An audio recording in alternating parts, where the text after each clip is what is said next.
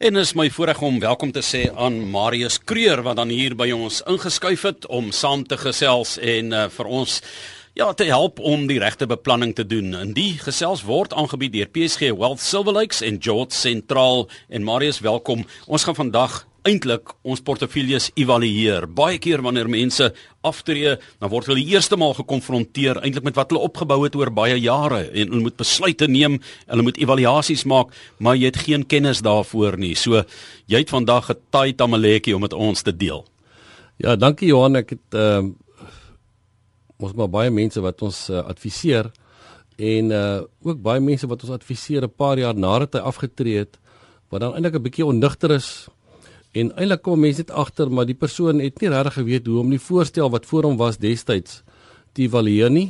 En hy het ook nie geweet hoe om hierdie hele proses te monitor na die tyd uh volgens die voorstel wat hy wat hy gekry het waarop hy 'n keuse gemaak het hoe om sy geld te belê nie. En dan kom mense agter dat mense baie keer in fondse belê is wat vir die afgelope 3 jaar presies dieselfde lyk dat daar eintlik glad nie 'n plan is in die in die portefeulje nie.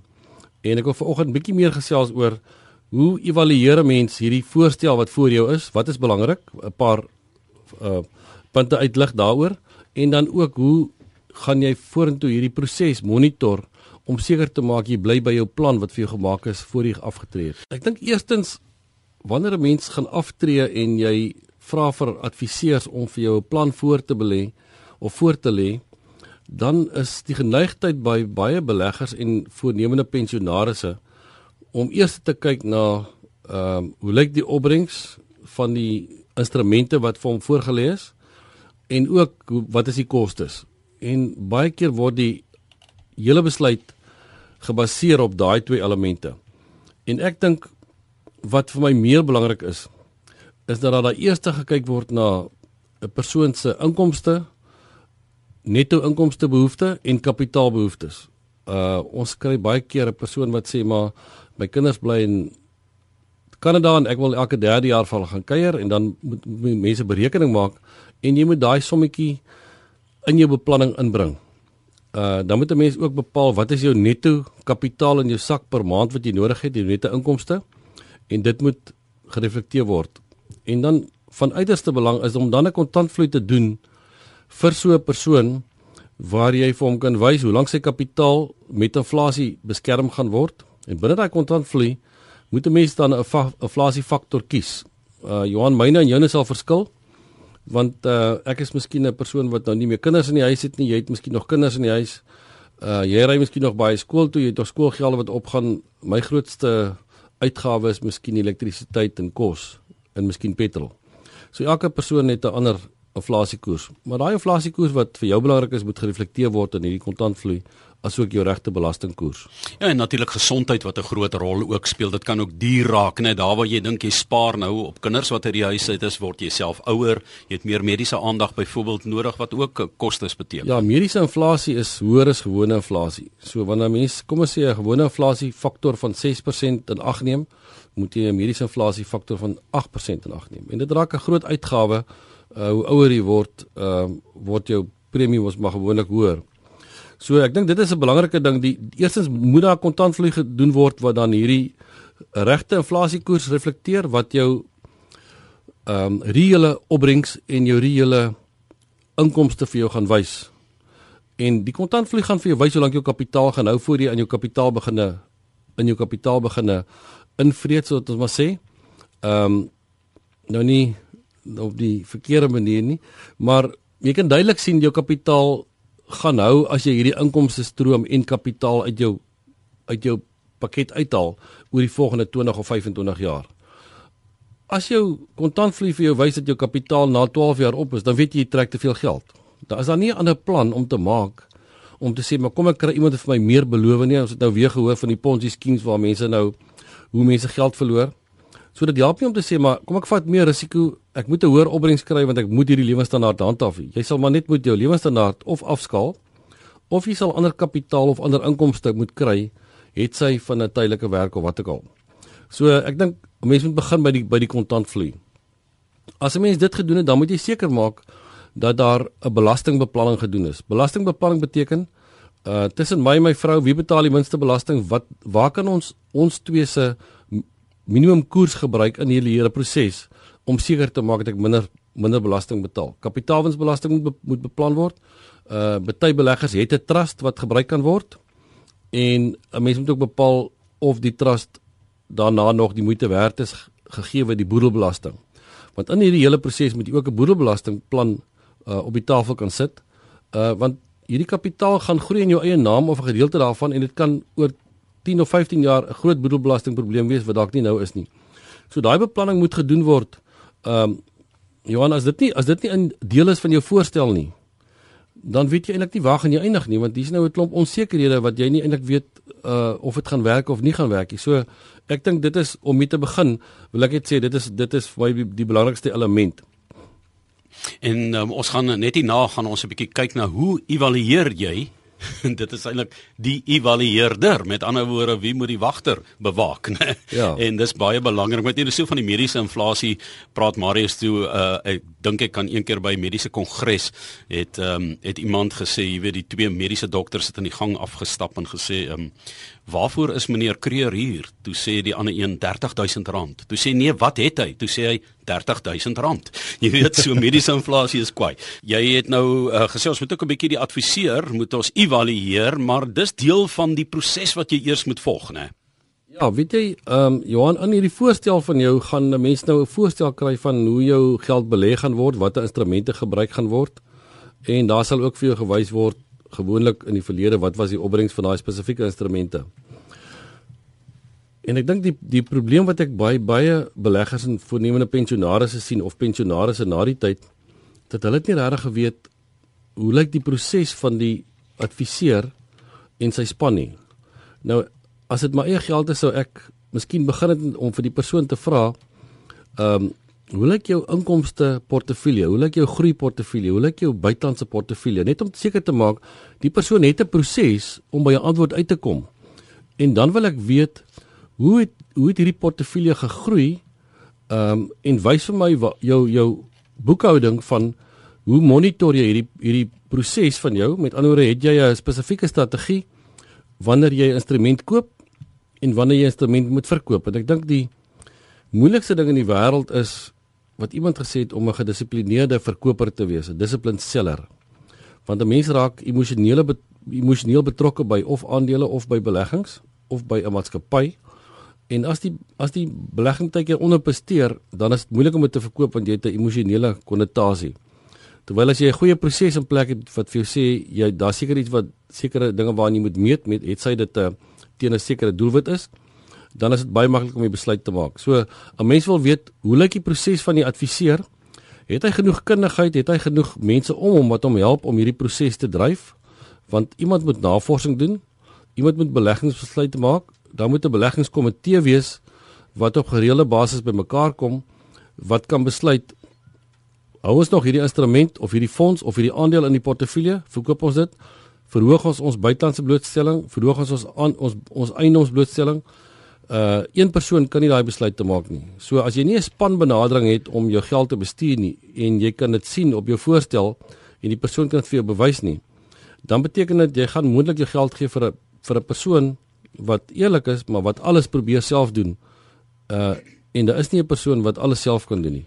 Ja, Marius is juis iemand wat sê ek verstaan nie waarvoor ek die beplanner moet betaal as ek alles moet weet en sê nie.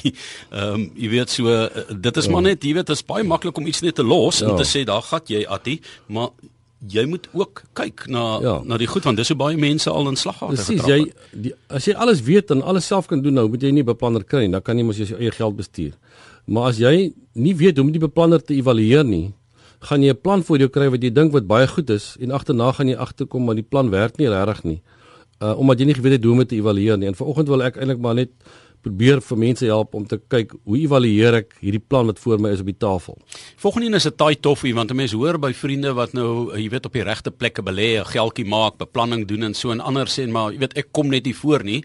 Nou is dit uh Pieter van Port Elizabeth wat sê maar Marius, wat is die aanvaarbare minimum wins gemiddelde 'n uh, persentasie wins en wanneer is wins te goed om waar te wees? Ja, uh, dit is dit dit verskil. Ehm um, mense het verskillende behoeftes. Ons deel gewoonlik 'n kliënt se behoeftes op tussen 'n uh, inkomste behoefte en ons koppel 'n termyn daaraan en dit is gewoonlik jou eerste 2 jaar se geld moet jou na jou inkomste kyk en daai geld word baie konservatief belê so daai opbrengs gaan baie swakker wees. En dan jy 'n lae risiko gedeelte van jou portefeulje wat jy van jaar 3 af kan begin gebruik. So jy het 'n bietjie meer risiko wat jy kan neem omdat jy bietjie meer tyd het. En dan gaan jy 'n bietjie hoër opbrengs kry. Dan het jy jou ehm um, middelmatig gegroei portefeulje wat tussen 4 en 7 jaar se se geld lê daarin. Daar gaan jy meer risiko neem plus minus tipe van 60 65% aandele. En dan jy geld wat jy weet wat jy nie aan gaan raak vir 9 of 10 jaar nie, want jy doen 'n beplanning vir 20 of 25 jaar. Daai geld gaan jy heel moontlik op die stadium alles in die buiteland en alles in aandele hê en ook 'n gedeelte miskien in eiendom. So dis langtermyn geld. Elkeen gaan 'n verskillende opbrengs hê. So ek kan nie vir iemand sê wat moet jou opbrengs wees nie. Uh jou beplanner moes dit vir jou gesê die dag toe jy dit beplanning gedoen het om te sê maar jou doelwit opbrengs is kom ons sê 10% netto na inflasie en jou behoefte is 6 of 7%. Dan weet jy mos presies wat jy gaan kry. Met ander woorde, daai persoon het nie geweet waarna hy mik nie. Uh en sy beplanner het ook nie vir 'n spesifieke doelwit gegee nie. So hy kan ook nie sy beplanner meet nie, want as jy nie doelwit het nie, kan jy dit nie meet nie. Maar daai meting waarvan jy praat, is dit nou wie weet dat jy nou met dophou elke 6 maande, elke jaar daai vergaderings wat jy ja. hou, maar die dinge wat jy half geprojekteer het en ek dink jy's deel van die projeksieproses. Ja. Hoekom het jy daai resultate behaal of hoekom nie? En ek dink enige mens is redelik as jy kan verantwoord en sê maar kyk, die eiendomsmarkte wat 'n paar jaar ja. gelede in duie gestort het as gevolg van die van ja. die pragtige rentekoerse wat die hmm. Amerikaners vir hulle mense aangebied het, het die hele wêreld so beïnvloed en het mense ehm um, geld verloor in die proses, né? Jy het baie ja, daaroor gepraat. Weet jy Johan, as jy as jy 'n goeie as jou proses reg was laat laat jou langtermyn geld wat daai stadium die meeste seer gekry het, die geld wat jy vir 7 of 8 jaar nie nodig gehad het nie, dan het jy deur die proses gegaan sonder pyn. Van daai geld, onthou die mark het geval van 32000 af na 19 en toe sy weer terug na 54 toe. So as jy nie as jy 10 jaar tyd gehad het, die geld die, die gedeelte van jou portefeulje wat geval het, moes jy nie aan hoef te geraak het nie en dan dan het hulle herstel. So daai persoon het nog altyd hulle hulle volgens hulle, hulle beplanning het hulle inflasie geklop met meer as wat ons vir hulle beplan het. Uh maar dit dit is die proses met ander daar was 'n proses in plek wat ook deur die goeie en die slegte tye moet gaan en jou beskerm. So as jy nie daai proses verstaan nie of daar is nie 'n proses nie, dan is dit die tyd wat jy gaan seer kry. En dan moet daar ook 'n element van beskerming wees oor jou korttermyn geld, medium en langtermyn geld. So dis wat ek sê, verstaan die adviseur of die beplanner se proses wat vir jou sê hy gaan vir jou inflasie plus gee en kyk wat word op jou kontantvloei gebruik as 'n maatstaf want dit is nog die maatstaf wat jy hierdie portefeulje gaan teen meet. Want as jy dit kan maak as die as die adviseur vir jou daai maatstaf gee wat jy op sy kontantvloei gesit, dan gaan jy ons jou kontantvloei mos dan vir jou gewys, jy gaan dit maak. Ja, jy monitor dit eintlik gesamentlik dan, hè, die belegger en al die uh pensioentrekkers wat geen aktiewe bestuur by plaasgevind het nie. Nou hulle is op die ou en die mense wat ook in uh, probleme kan beland. Maar daar's een baie belangrike woord wat dikwels uitkom, Marius, en dit is kostes. Nou wat impliseer kostes? Wat is regverdige kostes wat jy vir jou adviseur moet of kan betaal? In jou in jou voorstel wat op jou tafel lê, uh moet daar totale kostes wees. Met ander woorde, ehm um, dan moet vir jou eerstens 'n kontantvloei gedoen word wat vir jou wys wat is netto in jou sak na kostes, na alle kostes. Maar dan moet die kostes vir jou gewys word. Nou daar's verskillende kostes by verskillende produkte. As jy net in aandele is, het jy basiese bestuursfooi en daar's 'n makelaarsloon vir elke aandeel wat jy koop en verkoop. Nou gewoonlik koop 'n mens die portefeulje vir die kliënt en is langtermyn aandele jy verkoop en verkoop nie heeltyd nie. Daar's ook kapitaalwins wat jy in ag moet neem. So daai kostes kan enigiets wees van 1% tot 1.5% afhangende van die grootte van jou portefeulje.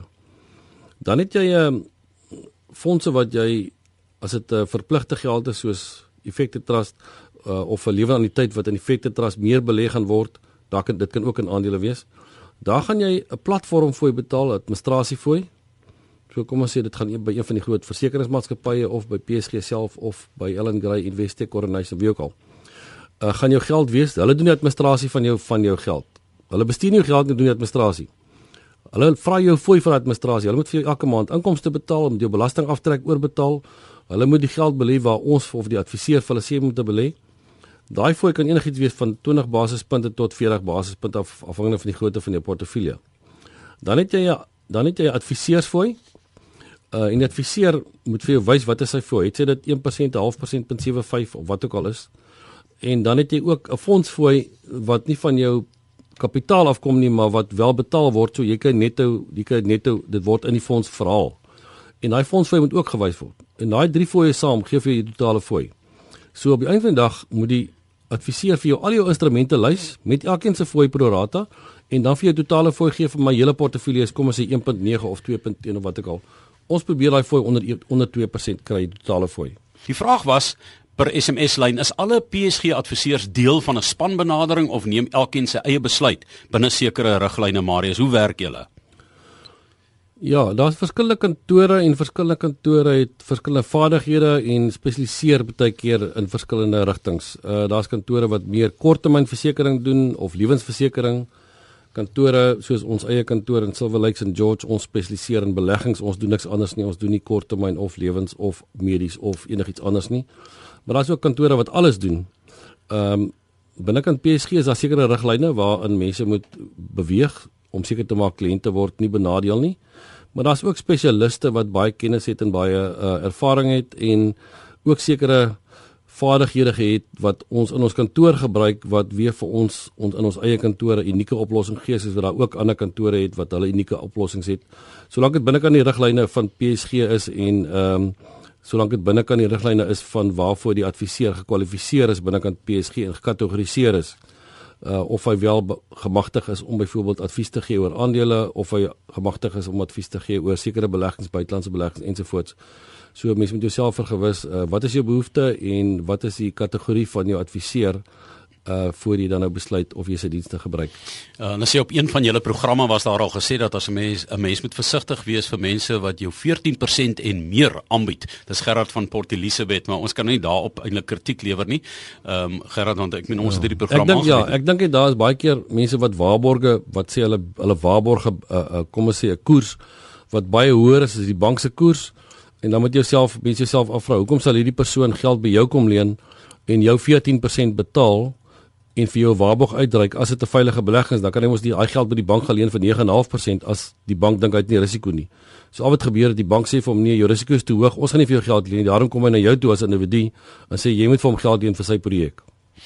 Hierso sê uh, beplanners wissel baie, kompeterende beroep. Ek het al 6 mense gehad.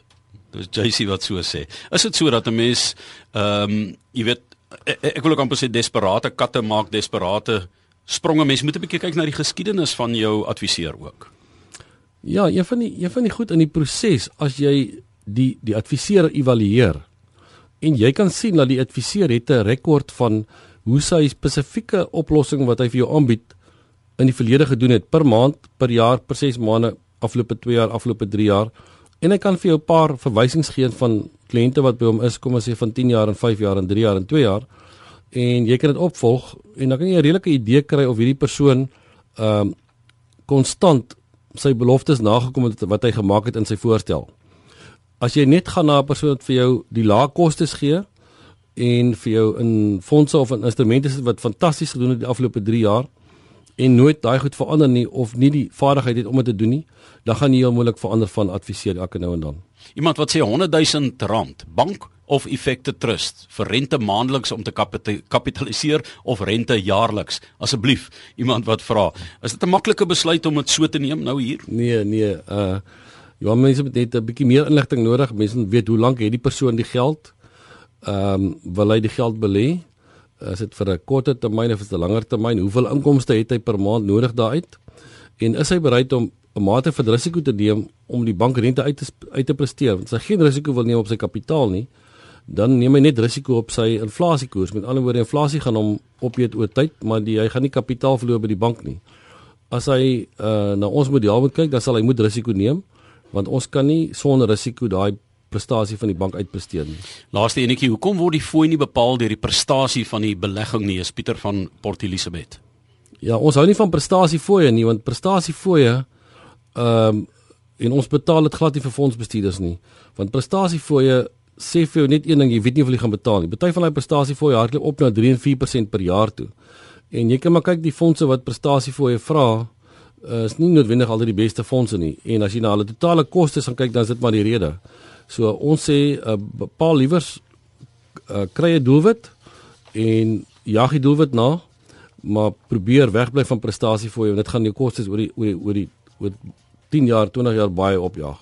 RSG Finansies is aangebied deur PSG Wealth Silver Lakes en George Sentraal. Marius Kreer was ons gas. Marius, as mense die gesprek met jou wil voortsit, jou wil evalueer as adviseur, hoe maak hulle?